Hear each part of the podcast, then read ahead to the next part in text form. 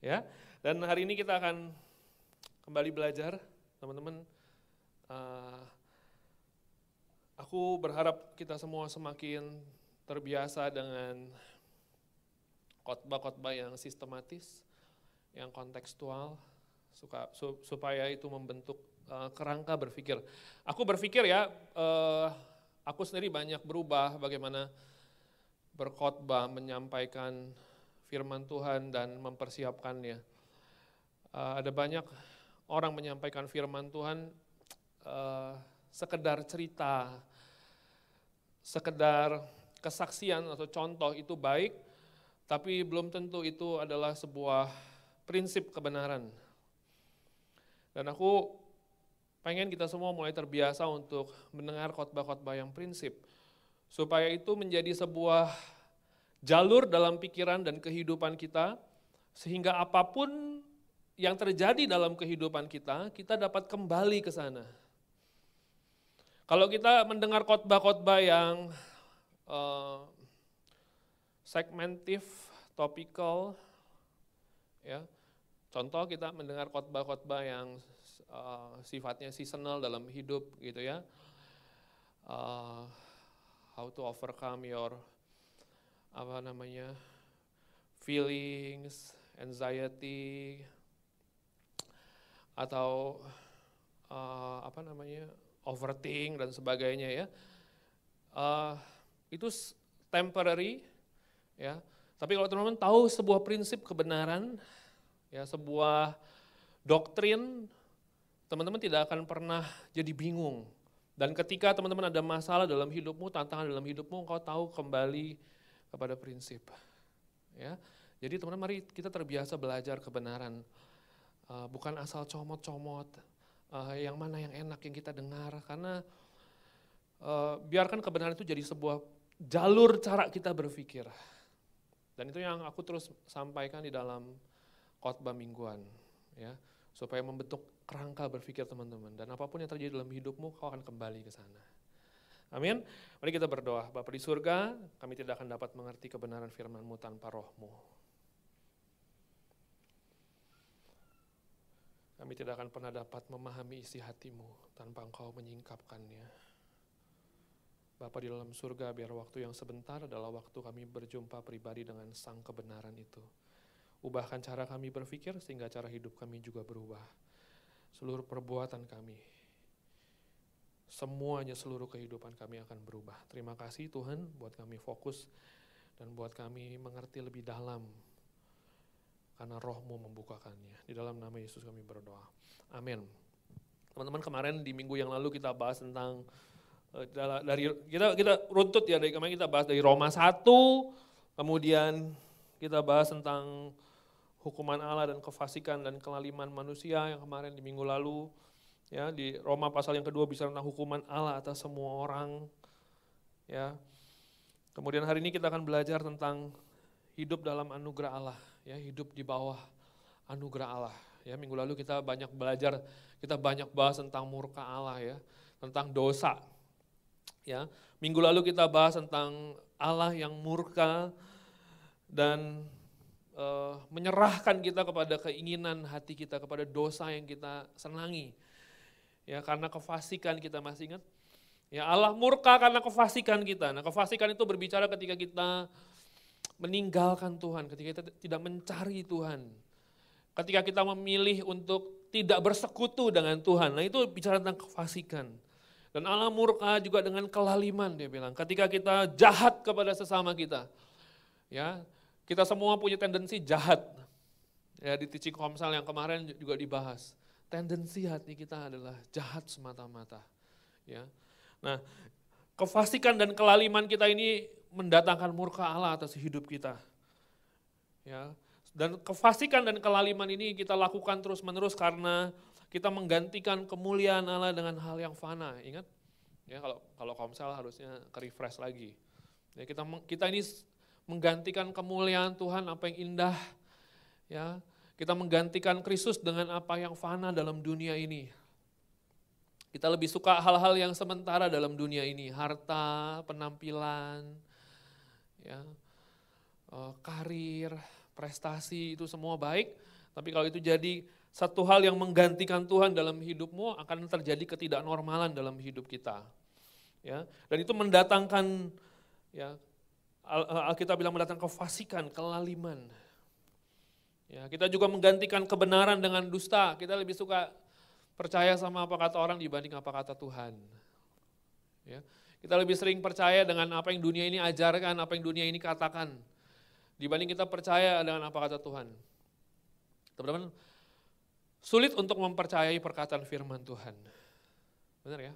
Waktu kita khawatir, waktu kita takut. Tapi kalau dunia ini ngomong ya, kita langsung cepat percayanya. Kalau orang lain ngomong, kita cepat percayanya. Mengalami? Kalau dunia ini ajar sesuatu, kita lebih cepat terima. Karena memang kecenderungan hati kita seperti itu, jahat semata-mata. Makanya kalau Tuhan ngomong susah percaya, sampai kita harus confess berkali-kali.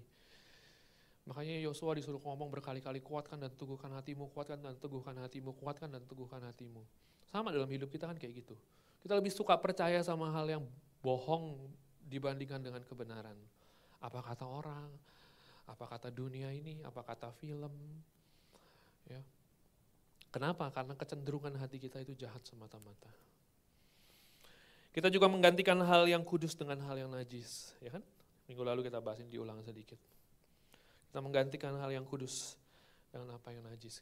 Ya? Sebabnya kita lebih suka dengan kenajisan daripada kekudusan. Kita lebih tertarik dengan hal-hal yang kotor, hal-hal yang najis daripada hal yang kudus. Bahkan anak muda hari ini mendengar kata hidup kudus tuh kayaknya hidup kudus ya, apa tuh ya? Tapi sama dosa-dosa yang najis, sama hal-hal yang najis kita familiar sekali. Tapi itu semua bukti bahwa hidup kita begitu rusak karena dosa. Dan semua itu kita bilang, membuat Allah murka dan menyerahkan kita kepada keinginan hati kita sehingga kita melakukan yang gak pantas. Jadi semua dosa-dosa yang kita buat terjadi kenapa? Karena kita menggantikan Allah dengan hal yang lain. Kemuliaan Allah kita ganti, kebenaran kita ganti. Ya hal yang kudus kita ganti. Dan itu membuat kita jatuh ke dalam dosa. Ya. Roma 1 ayat 29 sampai 31 mari kita baca. Ini semua adalah akibat-akibat daripada kita menggantikan Allah dengan hal yang lain dan ini semua kita alami. Ya, Roma 1 ayat 29 sampai 31. Ya. Penuh dengan rupa-rupa kelaliman, kejahatan, keserakahan. Ya. Ini yang kita bahas juga di minggu lalu ya, aku refresh lagi. Dan kebusukan, ini kondisi hati kita, penuh dengan dengki, pembunuhan, perselisihan, tipu muslihat, dan kefasikan. Mereka adalah pengumpat, pemfitnah, pembenci Allah, kurang ajar, congkak, sombong, pandai dalam kejahatan, tidak taat kepada orang tua, tidak berakal, tidak setia, tidak penyayang, tidak mengenal belas kasihan. Ayat 32, sebab walaupun mereka mengetahui tuntutan-tuntutan hukum Allah, yaitu bahwa setiap orang yang melakukan hal-hal demikian patut dihukum mati. Mereka bukan saja melakukannya sendiri, tapi mereka juga setuju dengan mereka yang melakukannya. Jadi ini akibat daripada dosa kita menggantikan semua apa yang seharusnya kita sembah. Kita seharusnya menyembah Tuhan, tapi kita ganti. Dan inilah akibatnya kita jatuh dalam berbagai jenis dosa. Dan inilah resume dan CV hidup kita. Pernah bikin resume yang mau yang baru lulus, ya, Mario, Ya pokoknya teman-teman yang lagi baru-baru lulus kerja gitu, lagi bikin resume ya. Resume itu kan menggambarkan, menceritakan dengan singkat siapa diri kita. Ya, benar? Atau CV ya, pernah bikin CV nggak? Aku dulu kerja cari-cari kerja bikin CV banyak. CV itu isinya apa ya? Semua yang pernah kita lakukan kan, semua yang kita pernah lakukan. Nah, Roma Roma 1 ayat 28 sampai 30 ini, 31 ini adalah resume CV hidup kita. Ya nggak? Kalau kita jabarin tuh tadi dosa-dosa kita, nah semua kita bisa tulis di situ. Ya. Kalau itu dikasih ke bos, coba kita bayangkan ya. Dosa-dosa tadi kita tulis dari resume kita, dari jadi CV hidup kita. Kita kasih ke bos kita. Dulu aku pernah kerja di waktu aku jadi kerja di konsultan ya. Waktu aku jadi senior dulu ada banyak fresh graduate ngelamar pekerjaan dan mereka norak sekali. Mereka tulis gitu, organisasinya ditulis sampai satu lembar penuh gitu. Padahal cuma ikut organisasi tiga bulan ditulis. Tiga bulan ditulis. Organisasi sepak bola ditulis. Organisasi panjat tebing ditulis. Apa hubungannya sama kerjaan yang lu lamar? Ya, pernah lomba debat ditulis. Wah semua norak banget ya. Sampai manajer gue bilang gini, ini orang norak banget dia bilang. CV-nya panjang, tiga bulan, tiga bulan, tiga bulan ditulis. Ya terus dia bilang gini, ah gue gak mau ah yang kayak begini ah, norak. Dibuang dari tong sampah sama dia. Teman-teman, dosa-dosa yang kita sebutkan tadi ya, dosa-dosa yang jadi resume hidup kita, CV hidup kita. Kalau kita disuruh tulis, apa yang pernah kamu lakukan dalam hidupmu, ya kita tulis itu semua ya. Dosa-dosa kita panjang banget jadi resume hidup kita. Dan kalau kita persembahkan, kita kasih kepada pribadi yang mau menerima kita, orang itu akan lihat dan kemudian dia akan marah dan dia akan buang. Dan itulah yang dimaksud ke dalam Roma 1 ini. Hidup kita ini banyak sekali kejahatan-kejahatan dan dosa-dosa yang kita buat. Makanya lalu kita suka bilang gini, enggak kok gitu, gue enggak seburuk itu.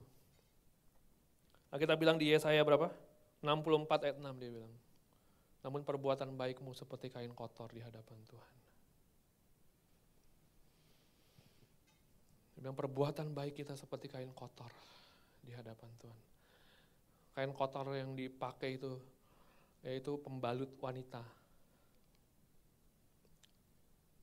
Yesaya 64 ayat 6 itu bilang, perbuatan baik kita seperti pembalut wanita yang sudah dipakai. Tapi kita mau persembahkan kepada Tuhan, kita bilang sama Tuhan, Tuhan ini aku, aku udah pelayanan loh. Aku pelayanan sehari berkali-kali loh. Aku udah saat teduh loh. Aku udah berbuat baik loh. Tapi Tuhan bilang gini, perbuatan baik kamu seperti kain kotor di hadapan Tuhan. Kamu persembahkan apa yang baik.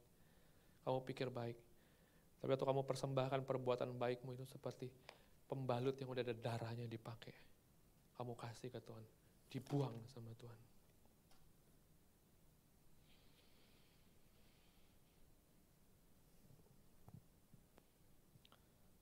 Tapi kita bersyukur cerita hidup kita nggak berhenti sampai di sana. Amin. Aku lagi membukakan kepada kita seberapa rapuhnya kita. Seberapa hancurnya diri kita. Seberapa rendahnya diri kita. Supaya kita menghargai anugerah yang mulia. Kalau kita berpikir hidup kita baik, nggak ada masalah. Kita nggak akan bahkan kita nggak akan pernah sadar bangun pagi kita bersyukur karena anugerah. Teman-teman, mari kita merendahkan hati kita, merendahkan diri kita di hadapan Tuhan. Orang seperti kita ini, orang berdosa seperti kita ini, hari ini masih boleh ada di hadapan dia. Seharusnya kita sama seperti CV-CV tadi yang dibuang sama bos. Apaan lu tulis CV sih yang kayak gitu, kotor semua. Sama seperti kain kotor yang kita kasih buat Tuhan, kita bangga. Tapi itu seperti kain yang cemar. Makanya hari ini kalau kita ada di hadapan Tuhan, kita bersyukur semua karena kebaikan Tuhan. Amin. Mari kita pejamkan mata kita bersyukur sebentar teman-teman. Bilang sama Tuhan thank you. Dalam keberdosaan kami Tuhan, kau terima kami. Kita suka lupa dosa kita tuh banyak. Karena kita lupa dosa kita banyak, kita lupa anugerah Allah berlimpah-limpah. Terima kasih Tuhan kami masih boleh pelayanan. Kami suka take it for granted. Padahal kami pelayanan karena kemurahan dan anugerah Tuhan. Terima kasih Tuhan kami masih boleh memiliki semua yang ada hari ini. Terima kasih kami masih boleh hidup orang berdosa seperti kami hari ini masih boleh hidup. Semua karena anugerah Tuhan besar di hidup kami. Teman mari di waktu yang sebentar kita nikmati anugerah Allah. Perbuatan baik kita bahkan seperti kain kotor di hadapannya. Tapi hari ini kita menerima anugerah yang begitu besar. Karena Kristus mati bagi kita di saat kita masih berdosa. Mari kita bersyukur, terima kasih Tuhan. Kau hapuskan dosa dan pelanggaran kami. Terima kasih Tuhan bahwa kami mengerti anugerah Allah. Dalam nama Yesus. Amin. Ya. Mari kita baca dalam Roma 3.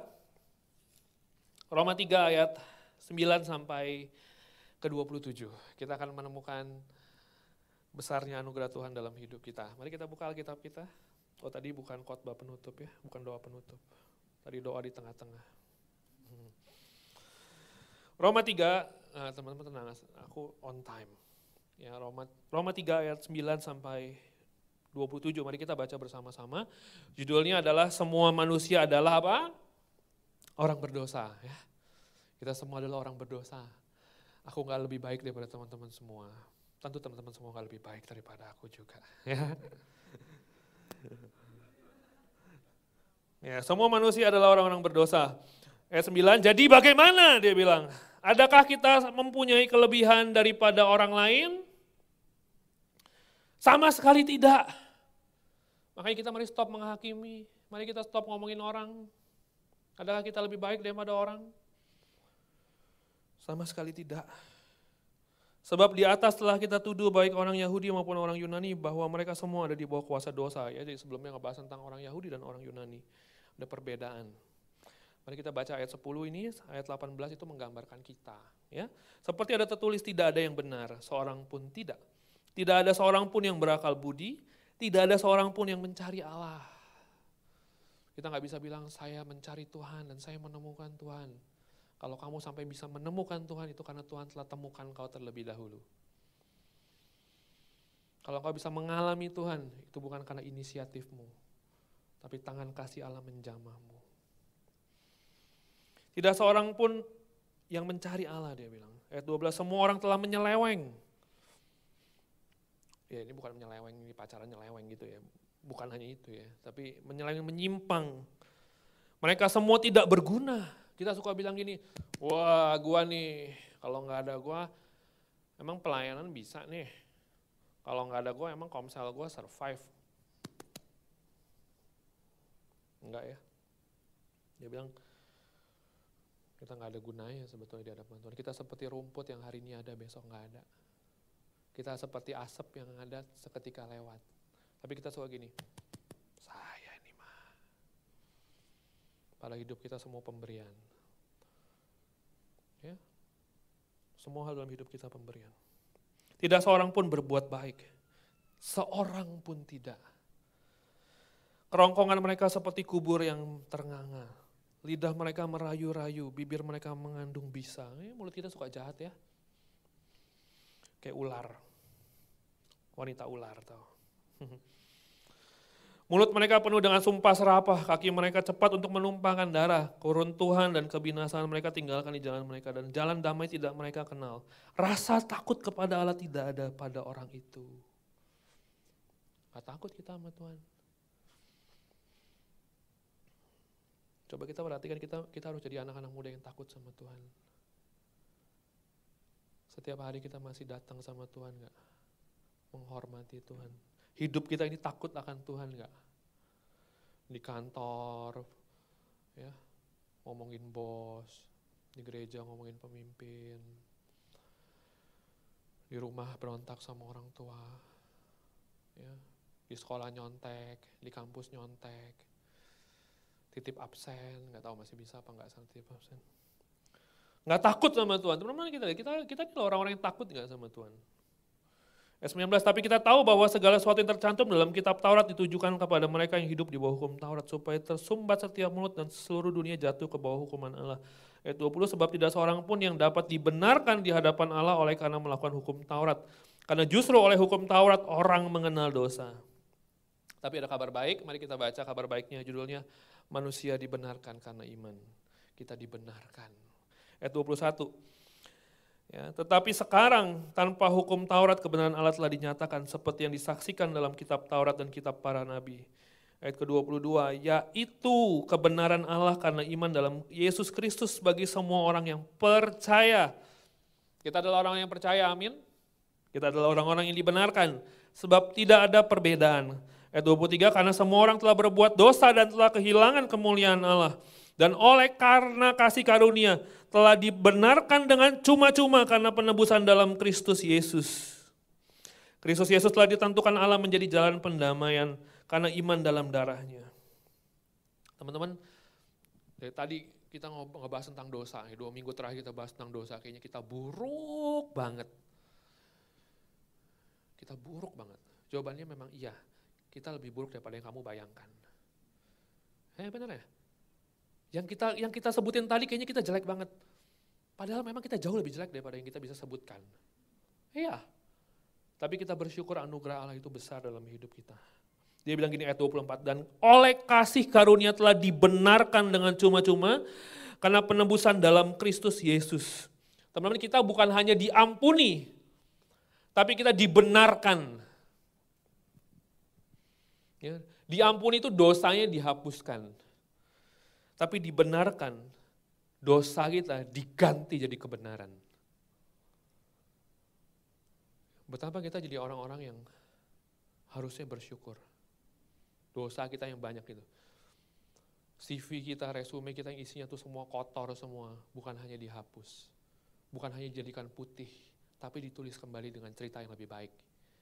Itulah Efesus 2 ayat 1 sampai 10, itulah kabar baik Injil. Tulisan-tulisan kita yang kotor semua di dalam resume dan CV kita.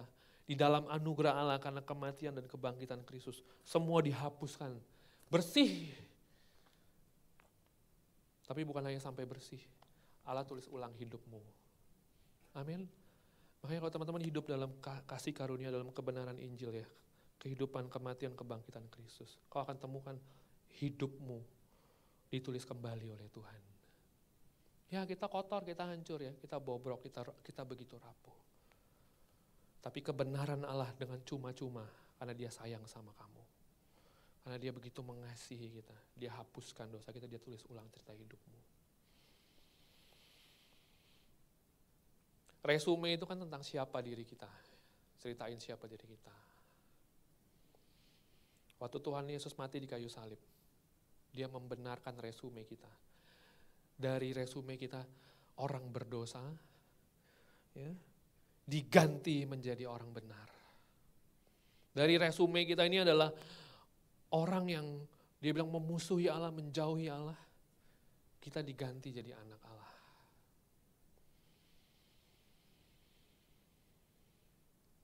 Dari resume kita adalah orang yang parah, yang hancur, yang berdosa, kita diganti jadi sahabat Allah. Teman-teman ada mau ada ada ada di sini yang mau punya sahabat tukang nyinyir? Nggak mau ya? Padahal kita tukang nyinyirnya dijadikan sahabat Tuhan. Ada yang di sini mau punya sahabat pembohong? Kita geleng-geleng. Padahal demikianlah Allah menganggap kita sahabatnya meskipun kita pembohong. Lo ngerti nggak? Maksud kita disebut sebagai sahabat Allah. Aku nggak menyebut kamu lagi hamba, tapi sebagai sahabat. Kita bisa nyanyi, I'm a friend of God. I'm a friend. Padahal lu tahu nggak, orang kayak lu nggak pantas dijadiin sahabat. Orang kayak kita ini. Kan kalau kita disebut tadi, mau nggak punya sahabat tukang bohong? Nggak mau. Padahal lu tukang bohong di, dianggap sahabat sama Tuhan. Mau nggak punya sahabat ini apa apa pemabuk orang-orang nggak benar tuh semua. Nggak mau. Padahal lu begitu. Dijadikan sahabat Tuhan. Mau gak punya sahabat yang gak setia? Kalau lagi gak punya duit dia hilang. Kalau lagi ulang tahun dia datang. Sahabat itu kan bicara tentang setia ya, kesetiaan seorang sahabat ya. Kita nggak mau punya sahabat nggak setia. Tapi kita yang kita ini kan nggak setia dijadikan sahabat Allah. Itu resume hidup kita yang diubah oleh pembenaran yang Yesus lakukan buat hidupmu. Makanya kalau nyanyi lagu I'm a friend of God, coba deh jangan gini, gini, gini. Nikmati gitu. Thank you Tuhan. Orang yang kayak gini gak pernah setia, dijadikan sahabat Allah.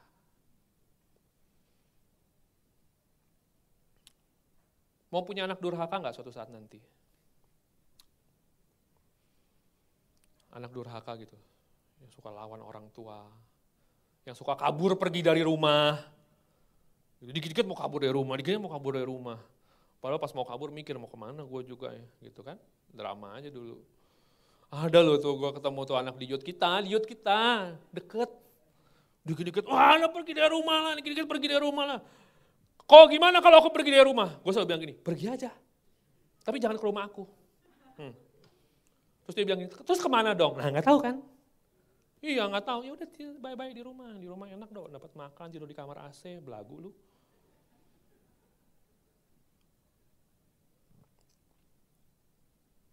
Kita orang-orang durhaka, tapi disebut anak bapa Itu pembenaran yang Allah lakukan dalam hidupmu. Ya, CV hidup kita diganti, semua track record track record kita tuh diganti. Makanya kalau habis CG dulu ya, wah bisnis pelepasan, weh gitu, track recordnya dibakar di api unggun gitu. Besok, buat lagi, ya kan? Tapi Allah nggak kayak gitu. Sekali dia tebus kita, dia tulis hidup kita indah sampai akhir. Makanya teman-teman orang yang benar-benar sungguh-sungguh orang pilihan ya di dalam Tuhan, kau mengikut Tuhan sungguh-sungguh. Cerita hidupmu nggak akan berakhir nothing. Tidak akan pernah. Karena dia ubahkan seluruh cerita hidupmu. Dia benarkan engkau. Teman hari ini makanya ya, kalau kita jadi anak-anak Tuhan ya, engkau jadi engkau bisa jadi orang yang paling aman dalam hidup ini. Karena engkau tahu bahwa segala sesuatu yang buruk bahkan terjadi dalam hidupmu. Engkau tahu di akhir cerita hidupmu tidak seburuk yang engkau bayangkan. Kalau kita tahu kebenaran ini, kalau kita tahu kebenaran Injil Yesus Kristus mengubahkan kita dari kondisi yang paling buruk, dari mati bahkan sampai kepada kemuliaan yang lebih besar. Kau bisa pastikan hidupmu ketika kau berjalan dalam kebenaran firman.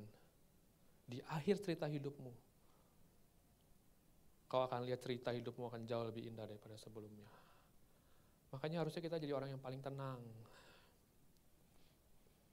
Kalau tiba-tiba kita masuk ke dalam sebuah proses yang menyakitkan, masuk dalam proses yang tidak kita duga-duga. Kalau kita tahu kebenaran kebenaran ini menjadi sebuah real dalam pikiran kita, kita tahu tenang aja. Ini semua pasti lewat dan semua akan baik-baik aja. Amin. Tapi kita baru ada konflik dikit, wah gedebak-gedebuk, gak bisa tidur gitu. Gak bisa tidur, besok bangun lesu mukanya gitu. Padahal kita udah tahu kalau kita punya kebenaran ini, kita punya real doktrin kebenaran firman ini kau harusnya tahu hidupmu akan aman-aman saja di akhir cerita hidupmu. Karena engkau tahu Kristus yang mengasihimu. Engkau anaknya. Teman-teman ya, itu di depan rumah gue tuh banyak kucing ya. Kemarin, ini kucing beranak. Lima atau enam.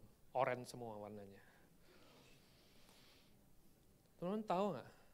Setiap pagi, mereka jalan berlima. Seperti Lion King jalan dengan anak-anaknya di hutan rimba.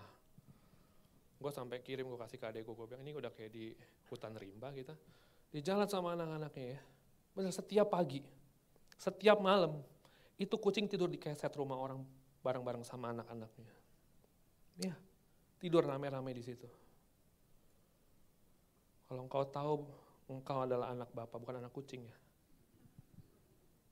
Kalau engkau tahu engkau anak bapak, Kau harusnya tahu hidupmu aman dalam tangan Tuhan yang mengasihi engkau. Kalau kita tahu kebenaran ini jadi sebuah cara berpikir hidup kita. Kita bukan jadi orang yang gedebak-gedebuk. Wah, ada ini takut, ada ini khawatir, ada ini down, ada ini uring-uring. Nggak mau ikut Tuhan lagi, nggak mau ikut Tuhan lagi.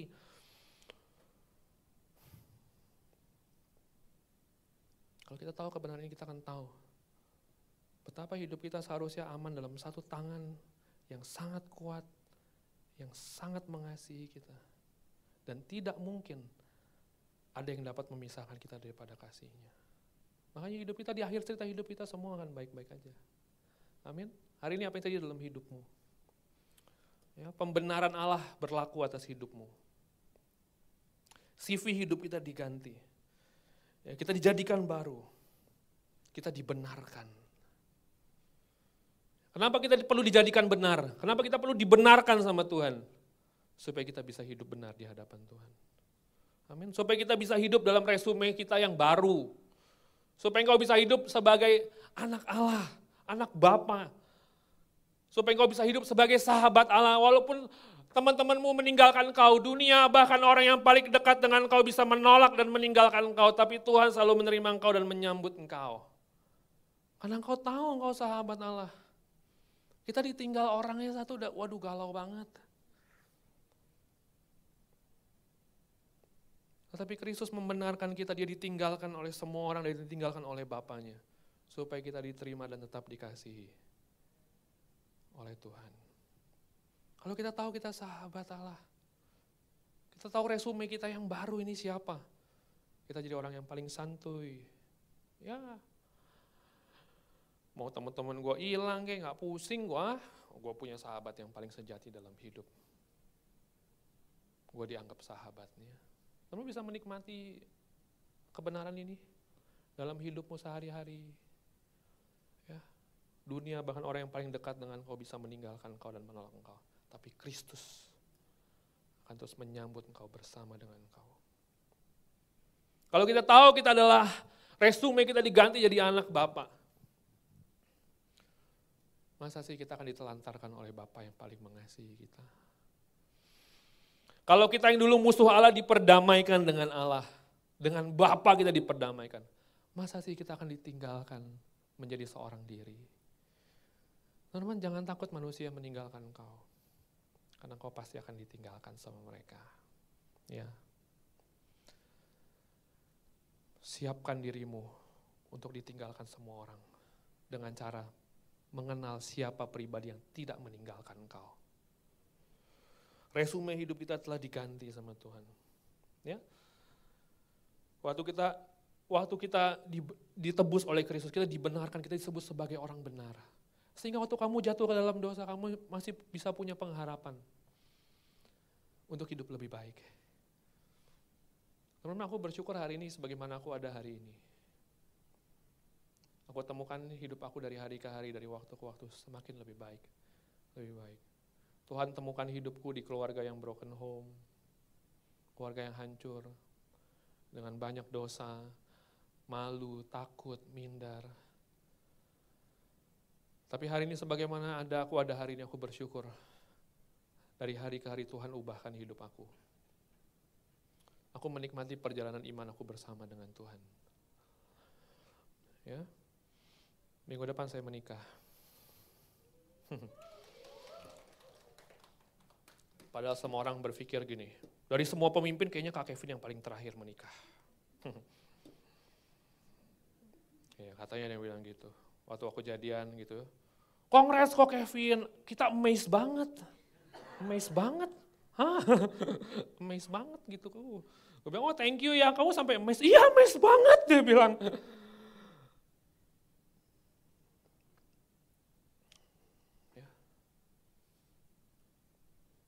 Kalau kita tahu Bapak yang mengasihi kita, jangan takut tidak menikah.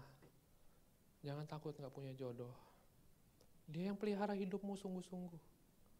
Jangan takut nggak bisa makan, jangan takut nggak punya kerjaan. Jangan takut nggak punya ini itu, jangan takut khawatir dan segala macam. Dia dia pribadi yang paling care sama hidupmu lebih daripada siapa pun care sama kamu. Eh, jangan ketok-ketok gitu dong. Ya. Teman-teman semua, kita dibenarkan oleh Kristus, kita disebut orang benar sehingga kita waktu kita jatuh dalam dosa ada pengharapan buat hidupmu tetap ayo bangkit kembali kamu orang benar. Kamu bukan lagi pendosa, kamu orang benar. Dan kamu bisa hidup benar.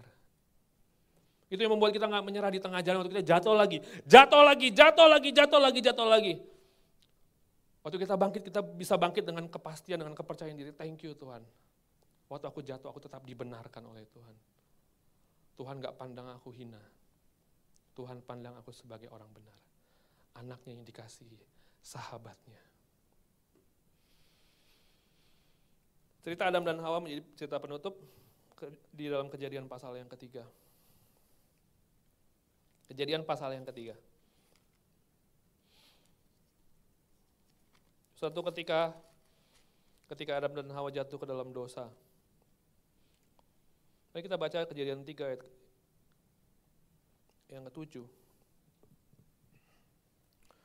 Kejadian pasal yang ketiga ayat yang ketujuh.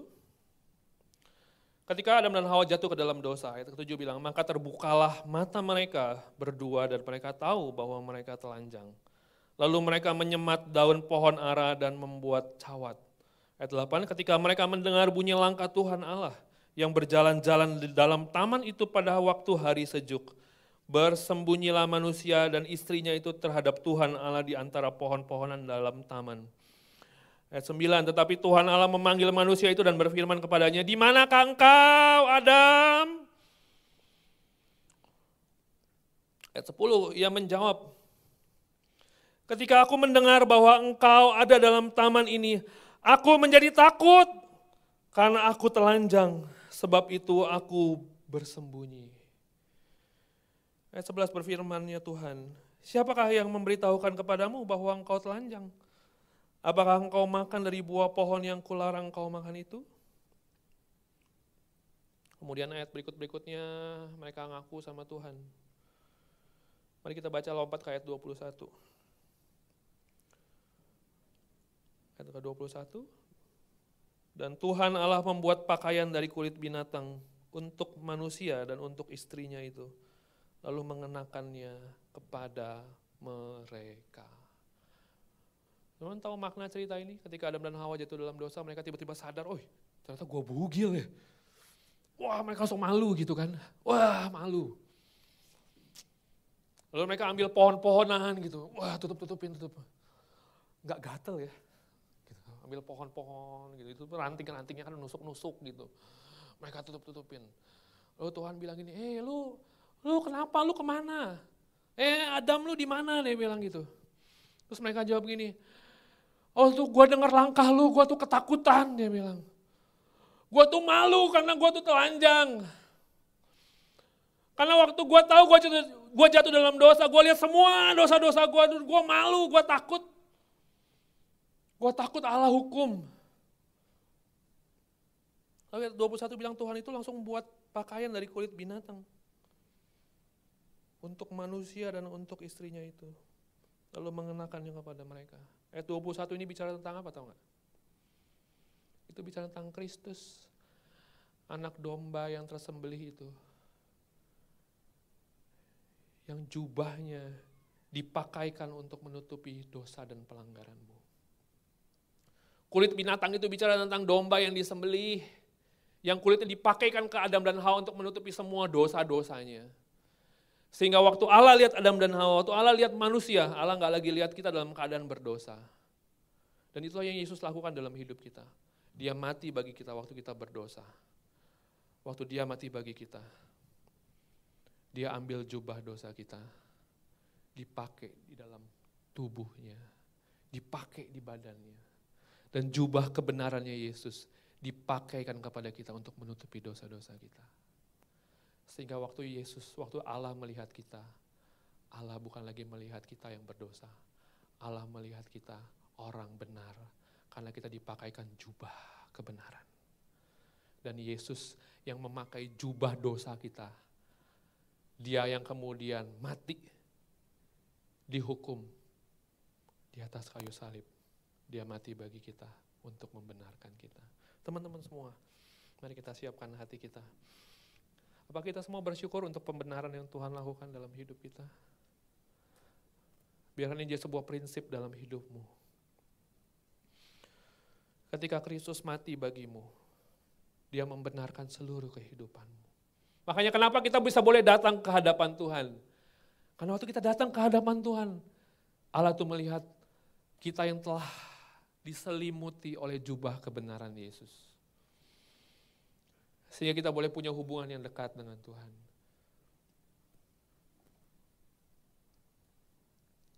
Teman-teman bersyukur bisa menyembah Tuhan hari ini. Kalau engkau tahu kebenaran ini penyembahanmu akan berubah. Karena engkau tahu siapa engkau. Dan karena engkau tahu apa yang seharusnya terjadi padamu. Tapi diganti oleh Yesus.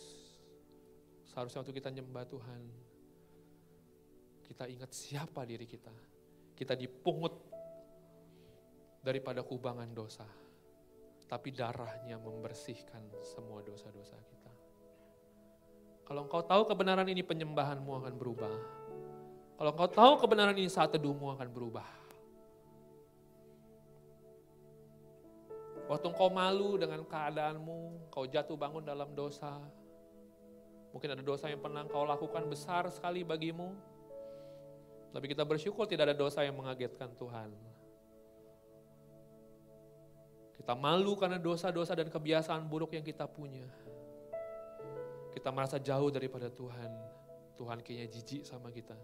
Tapi kita bersyukur pembenaran Allah. Waktu kita merasa malu dengan dosa-dosa dan keadaan kita. Mungkin kita malu dengan penampilan kita. Mungkin kita malu dengan apa yang kita punya hari ini. Tapi Kristus telah memakaikan jubah kemuliaannya. Supaya engkau tidak perlu malu lagi. Kristus mau telanjang di kayu salib, menanggung malu yang harus engkau hadapi. Sehingga engkau bisa tampil dengan percaya diri bahwa hidupmu telah dibenarkan, dimahkotai dengan kekudusan, dengan hormat yang daripada Tuhan.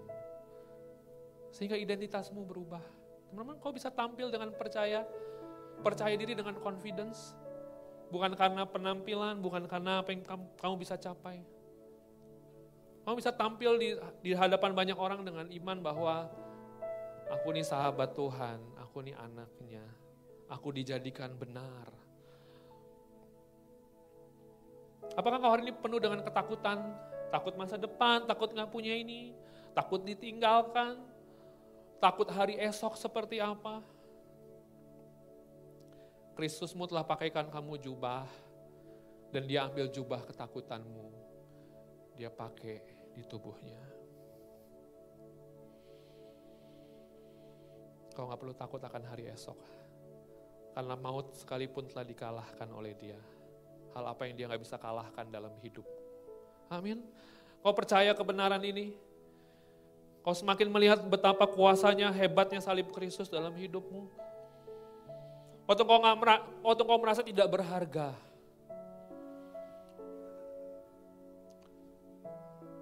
Kristus mencarimu seperti mencari dirham uang yang hilang, harta yang hilang dicari, dan dia temukan engkau. Bagaimana dia mencarimu? Dengan dia mati tergantung di kayu salib untuk engkau. Apakah engkau kehilangan harapanmu? Gimana hari esok? Masa lalu aku seperti ini, masa lalu aku seperti ini, background keluarga aku seperti ini, hey, CV-mu telah dihapus resume kamu udah dihapus. Udah ditulis ulang sama hidupmu. Masa lalumu tidak mendefinisikan masa depanmu, amin. Apa yang kau buat tidak mendefinisikan masa depanmu. Apa yang Kristus buat mendefinisikan masa depanmu. Dan itu semua dilakukan oleh Kristus di kayu salib bagi hidupmu. Mungkin kau bermasalah dengan identitasmu.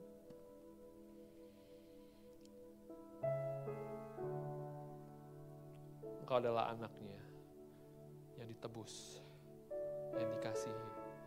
Engkau adalah sahabatnya. Engkau adalah pribadi yang dikasihi sepenuhnya, diterima seutuhnya. Mari kita pejamkan mata kita. Kita bersyukur untuk pembenaran yang Tuhan lakukan dalam hidup kita. Itu semua anugerah yang lebih besar daripada apa pun. Teman-teman, mari kita jangan jangan seperti orang yang berpikir bahwa anugerah waktu doa-doa kita dijawab, doa-doa kita dijawab, kita bilang itu anugerah, itu anugerah. Itu sebagian kecil daripada anugerah.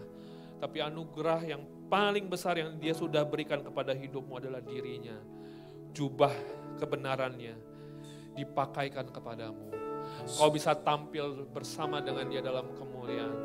Bapak di surga terima kasih Tuhan. Kami bersyukur. Kami adalah orang-orang yang dibenarkan Tuhan. Hari ini Tuhan apa pun masalah kami, kami mau kembali menyadari pembenaran yang Allah lakukan dalam hidup kami Tuhan. Terima kasih Tuhan. Mari teman-teman di waktu yang sebentar ini kita berbicara kepada Tuhan. Sampaikan isi hatimu kepada Tuhan. Ketakutan-ketakutanmu, penuduhanmu, rasa malu, rasa tidak berhargamu. Mari nyatakan itu kepada Tuhan. Terima pembenaran yang daripada Tuhan untuk hidupmu. Terima kasih Tuhan.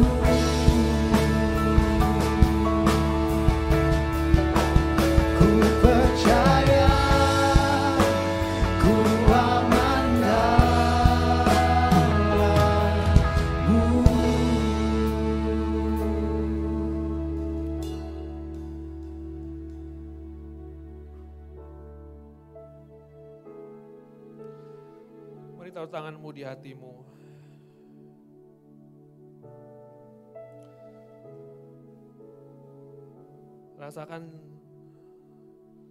jantungmu yang berdebar-debar.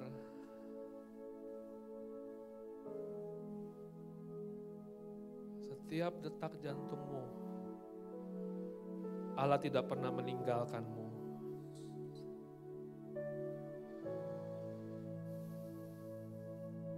Tanganmu di hatimu. Rasakan tangan kasih yang menyentuh hatimu. Rasakan tangan kasih yang membenarkan hidupmu. Yang memanggilmu sahabatnya. Yang memanggilmu anaknya. Yang melihat engkau sebagai orang benar.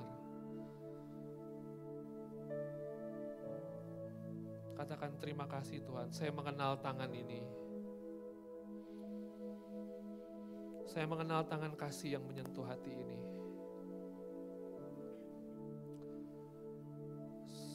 Saya menyadari Tuhan, pembenaran demi pembenaran yang kau lakukan dalam hidupku. Perbuatan baik dan ajaib yang kau buat dalam hidupku. Terima kasih kau gak pernah lupakan kami Tuhan. Kami sering lupakan engkau, tapi kau tidak pernah lupa sama kami. Mari bersyukur sebentar untuk pembenaran yang Tuhan beri dalam hidupmu. Resume hidupmu yang diganti. CV-mu yang dihapuskan. Katakan Bapak, thank you Tuhan. Kami dipungut dari lubang got Tuhan. Kami ditemukan dalam keadaan berdosa dan mati. Tapi kami punya pengharapan yang baru akan hidup ini Tuhan. Manusia nggak beri penghar nggak bisa beri pengharapan. Manusia nggak bisa jawab doa kami Tuhan. Manusia nggak bisa stay selamanya bersama dengan kami. Tapi dalam setiap detak jantung kami Tuhan, Engkau ada di sana. Terima kasih Tuhan. Engkau mati bagi kami di saat kami berdosa. Supaya Engkau tinggal dalam hati kami dan tidak pernah meninggalkan kami. Bapa di surga terima kasih kami terima anugerahmu besar Tuhan. Kau tidak pernah krisis anugerah. Kau tidak pernah bisa lagi menjadi orang yang paling malang dalam hidup ini. Karena Kristus telah membenarkan engkau Terima kasih Tuhan. Terima kasih Tuhan. Kau tulis ulang cerita hidup kami Tuhan. Sampai suatu ketika kami jumpa muka dengan muka dengan Engkau. Bapak di surga biar kebenaran firman ini Tuhan, kebenaran pembenaran ini terpaku dalam hati dan pikiran kami. Sehingga apa pun yang terjadi dalam hidup kami, kami kembali kepada kebenaran ini. Dalam nama Yesus. Amin.